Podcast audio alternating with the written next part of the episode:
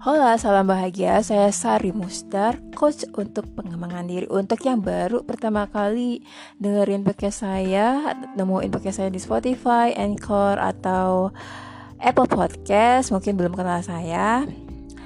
Izinkan saya untuk kenalin diri. Saya lama bekerja di bidang manajemen SDM, uh, eh, tapi orang lebih kenal saya sebagai penulis, penulis buku. Salah satu buku saya yang bestseller adalah Cinderella in Paris menceritakan tentang konsep kebahagiaan saat si tokoh, si karakter jalan-jalan ke beberapa negara. Akhirnya dia tahu, oh konsep kebahagiaan itu seperti ini. Jadi kebahagiaan itu gak ditentukan oleh faktor eksternal. Uh, saya juga pernah menjadi coach untuk digital marketing. Saya pernah bekerja sama dengan salah satu bank BUMN yang besar di Indonesia untuk mengajar ke para pemilik UKM di 9 kota. Saat ini saya lebih fokus untuk menjadi coach bagi personal ataupun mungkin nantinya saya lebih mengarah sih ke corporate ya. Podcast Hari Musdar biasanya ngebahas tentang dunia kerja karena latar belakang saya kan tadi manajemen SDM ya. Uh, saya juga ngebahas tentang empat. Empat adalah orang-orang yang peka terhadap energi makhluk terlihat dan tak terlihat. Bisa teman-teman dengerin di materi podcast saya yang lainnya. Juga saya pot saya bahas tentang um, self love dan inner self dan tentunya tentang pengembangan diri. Nah, untuk pengembangan diri saya menggunakan teknik selama saya bekerja di SDM di HRD juga NLP dan saya menggunakan pace. Pace adalah astrologi Cina kuno yang saat ini di beberapa negara lebih uh, lebih digunakan untuk uh, mengenal potensi diri, mengenal potensi diri, karakter, terus struktur uh, apa behavior perilaku apa sih yang harus dilakukan untuk sukses seperti itu. Masih saya masih tertarik untuk banyak ngebahas tentang pace ya ditulisnya B A Z I. Saya mau ngebahas tentang true calling karena kemarin ada salah satu Uh, saja klien saya yang tanya, Mbak, true calling saya apa sih? Sebenarnya kalau true calling itu bisa diketahui dari profil utama kita dan juga struktur utama kita. Itu dari analisa pace profiling. Oke, saya mau ngebahas aja tentang what is your true calling. Pagi ini saya scroll timeline di Facebook Sekilas isinya banyak yang frustasi, marah, dan apatis tentang PSBB. Ya udah biar daya tahan tubuh kita tetap optimal, biar kita tetap kebal. Saya memutuskan untuk share yang positif-positif aja, tapi bukan positif COVID-19 ya. Jadi gini, semalam itu saya masak untuk sahur ya saya menyiapkannya malam. Rencananya sih mau masak uh, sambal hati. Tapi ternyata gagal total akhirnya daripada rasa yang gak karuan saya cuci lagi hatinya saya goreng aja terus dikasih uh, sambal kecap. Uh, sambal kecap terus apa potongan cabai sama bawang gitu deh saya sih emang tahu diri. Saya nggak bakat masak seperti kebanyakan perempuan. Tapi saya harus bisa masak sebagai survival kit sebagai cara saya untuk bertahan hidup. Kan nggak mungkin saya tergantung untuk beli makan luar take away atau tergantung pada aplikasi ojek online ya untuk pesan makanan. Walaupun uh, pasangan saya bilang it is okay you can cook babe I can or I can buy. Ya kalau masih pacaran kan emang gitu ya. Katanya banyak ngomong manis gitu kan ya. Kayak jebakan Batman padahal kalau udah nikah tetap aja saya mesti saya ya kewajiban saya untuk uh, belajar masak untuk coba-coba resep. Berkaitan dengan true calling gak mungkin saya bersaing dengan orang yang udah jago masak yang tiap saat posting hasil masakannya atau memang uh, punya usaha kuliner. Yang bakat dan passionnya memang dimasak. Nggak mungkin saya kursus masak pengen ikut-ikutan orang nih buka usaha di bidang kuliner. Karena kan namanya makanan pasti orang selalu butuh. Saya akan kalah bersaing dengan yang memang sudah jago masak dan juga sudah kursus masak zaman berapa tahun yang lalu itu.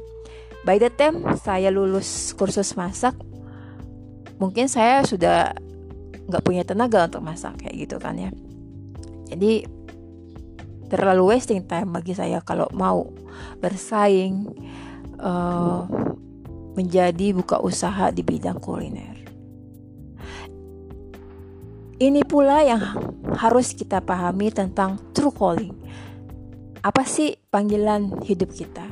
Dan bagaimana caranya untuk bisa sukses dan bahagia? Kan tujuan setiap orang itu untuk bahagia ya kan? Kalau sukses, mungkin semua orang bisa sukses, tapi apakah bisa bahagia? Karena ada orang yang sukses jadi akunting, tapi ternyata dia nggak bahagia karena sebenarnya itu bukan true dia misalnya true dia ternyata dia mestinya jadi public speaker gitu ya tapi dia harus tiap hari kerja dengan angka-angka. Harus kerja di belakang meja. Itu mungkin bukan true callingnya dia. Tidak sesuai dengan karakter dan bakatnya dia. Jadi untuk secara sukses dan bahagia itu kita butuh kejujuran terutama jujur pada diri sendiri. Gimana bisa jujur pada diri sendiri kalau kita nggak kenal siapa diri kita yang sebenarnya, diri kita yang sesuai dengan rancangan Allah atau rancangan Tuhan saat kita diciptakan pertama kali dulu. Gimana bisa tahu fokus dan tujuan hidup kita kalau kita have no idea, kita blank tentang misi hidup kita atau true calling kita. Kalau saya pribadi, saya sih kebantu dengan pacar profiling saya. Uh, dan saya konfirmasi saat beberapa senior saya yang kebetulan indigo dan mereka melihat bahwa saya akan jadi misalnya public speaker terkenal, saya akan jadi coach terkenal. Itu yang mereka lihat. Jadi meskipun telat, ya tapi nggak apa-apa sih. Yang yang penting saya udah tahu gitu. Saya masih ada waktu untuk tahu my truly self. Meskipun my truly self ini karakter asli saya saat saya dilahir ketutup karena mungkin saya pernah ada trauma, entah itu dibully waktu kecil atau waktu belakangan ini di medsos dan lain-lain. Tapi saya bersyukur saya sudah mengenal siapa diri saya, apa misi saya dalam hidup ini. Saya sudah tahu my true calling dan my truly self bukan yang orang-orang lihat sebagai pencitraan dan lain-lain. Bukannya orang-orang lihat saat saya bekerja dan lain-lain. Misalnya saya punya profil bakat X. Uh, saya punya profil bakat the performer sebenarnya. Bukan berarti saya pasrah dan saya udah yakin aja saya bisa sukses udah dikasih bakat ini. Tapi saya harus menguatkan dan mengembangkan bakat X saya ini bakat performer saya ini dan juga struktur saya sebagai konektor. Yaitu dengan apa? Dengan investasi. Saya mengeluarkan uang saya di pelatihan yang sesuai. Mungkin saya ikut pelatihan gratis atau pelatihan berbayar yang penting bakat saya di the performer dan sebagai eh, struktur utama saya konektor ini mencuat ya makin terasah. Karena nggak ada yang namanya sukses itu turun dari langit.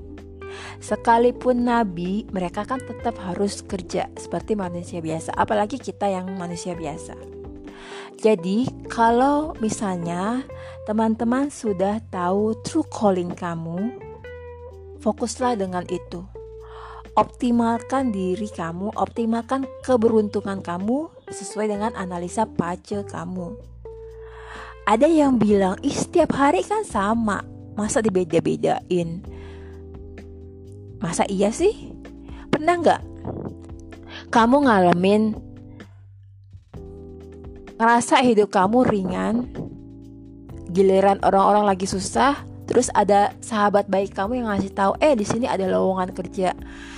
Terus karena ada rekomendasi dia kamu diterima. Atau giliran lagi sudah susah, terus ada orang ngasih tahu, eh si ini butuh masker nih. Terus dia ngejahitin masker untuk orang itu. Kadang-kadang ada satu hari yang kita ngerasa itu adalah hari keberuntungan kita. Kita ketemu orang baik yang bantu kita menemukan entah itu rezeki, entah itu cara kita untuk lebih sukses atau mungkin mentor yang ngajarin atau mendengarkan keluh kesah kita akhirnya kita bangkit untuk memperbaiki diri kita. Mentor yang ngajarin sekolah kehidupan yang nggak mungkin kita dapatkan di kampus misalnya. Nah, itu dalam pacu adalah noble star kamu atau nobleman. Orang-orang yang bijak akan menggunakan strategi, terutama kalau kita nggak lahir di keluarga kaya raya. Kemarin ingat ya postingan saya tentang what is luck. Keberuntungan itu ada yang keberuntungan dari surga, misalnya kita lahir di keluarga konglomerat, uh, terus kita lahir di negara yang maju dan lain-lain. Tapi kalau kita nggak punya itu, kita harus mengatur strategi dengan menggunakan akal, pengetahuan, dan lain-lain. Kalau kita nggak punya faktor keberuntungan seperti itu, kita harus menggunakan peta hidup dari Pace. Kita harus menggunakan apa sih tahun, bulan, dekade keberuntungan kita, itu atau Nobel Star kita kita harus memanfaatkan, mengembangkan bakat struktur kita secara optimal. Orang-orang bijak gak akan mengeluh untuk jadi orang sukses dan bahagia, apalagi menyalahkan faktor eksternal. Misalnya kita nyalain, ah orang tua saya sih dulu gak ngasih tahu saya atau ah pemerintah sih cuma ngebantu orang-orang yang gini gini gini. Tahun 2020 ini Ibarat kita masuk workshop, masuk pelatihan untuk era disruption yang dipercepat dan masif. Semua tanpa terkecuali harus mau belajar. Suka nggak suka, mau nggak mau, kita semua saat ini kan dipaksa untuk belajar. Yang pelajar mesti belajar dari rumah. Yang kerja mesti kerja dari rumah ada juga meeting virtual atau enggak training virtual menggunakan aplikasi dan lain-lain. Kita dipaksa untuk membiasakan diri dengan cara tersebut. Saya yakin Allah tuh maha baik loh. Biasanya sebelum kita dikasih ujian, kita udah dikasihkan perlengkapan. Nah, ini sebelum kita terjun ke the new normal era, kita diundang bukan diundang kita ditendang masuk ke kelas untuk pelatihan ikut pelatihan. Anak-anak generasi Z gak bisa lagi hidup seperti ibu bapaknya atau kakek neneknya dulu. Dari kecil anak generasi Z sudah harus tahu apa tujuan hidupnya. Orang tua harus bisa ngebimbing dan mengarahin on point. Nggak nebak-nebak nggak random nggak lagi seperti kita waktu kecil dulu terutama saya waktu kecil. Ya udah lihat aja gimana nanti bakatnya apa apa pekerjaannya apa. Nggak bisa dipaksa untuk ikut kursus A B C D banyak banget sampai anaknya kecapean. Yang bakatnya itu nggak sesuai uh, yang kursusnya itu nggak sesuai dengan bakat. Akhirnya anak terpaksa ikut ngeluh dan segala macam anak jadinya drain anak udah exhausted exhausted duluan ya. Dikas, disuruh kursus yang banyak banget dari siang sampai sore yang nggak sesuai dengan bakat dan karakternya dan parahnya lagi. Nggak menunjang misi hidupnya untuk sukses dan bahagia. Nggak bisa lagi kita salah ambil jurusan kuliah buang-buang waktu. Terus kerja juga akhirnya stres nggak tahan dengan masalah di kantor karena kenapa? Bukan passion kita, karena kita salah milih kerjaan. Terus menemukan uh, kesadaran untuk alih profesi di usia 30-an, 40-an. Sebenarnya sih nggak apa-apa, cuma kan ya jadi kurang optimal kebahagiaan kita. no wasting time. Kita lahir sendiri. Kita juga akan pergi ke alam berikutnya sendiri. Kesuksesan dan kebahagiaan kita juga kita tentukan sendiri dengan menggunakan sisi kelebihan kita apa sih? Yaitu tadi bakat, karakter, struktur, noble star, keberuntungan kita. Ini namanya strategi. Strategi untuk bahagia dan sukses. Nggak bisa lagi kita nyalain orang tua atau nyalain pemerintah saat hidup kita. Ya, cuma gini-gini aja. Jadi, pilihannya ada di kamu. Kamu sendiri yang punya kendali untuk menentukan sukses dan bahagia kamu, yaitu dengan tahu what is your true calling. Semoga bermanfaat. Kalau bermanfaat, jadikan podcast saya podcast favorit atau jangan pelit untuk bagiin melalui medsos kamu. Kalau ada pertanyaan, jangan malu-malu untuk kontak saya di DM eh, melalui Instagram di Sari Mustar. Semoga semuanya sukses dan bahagia. thank you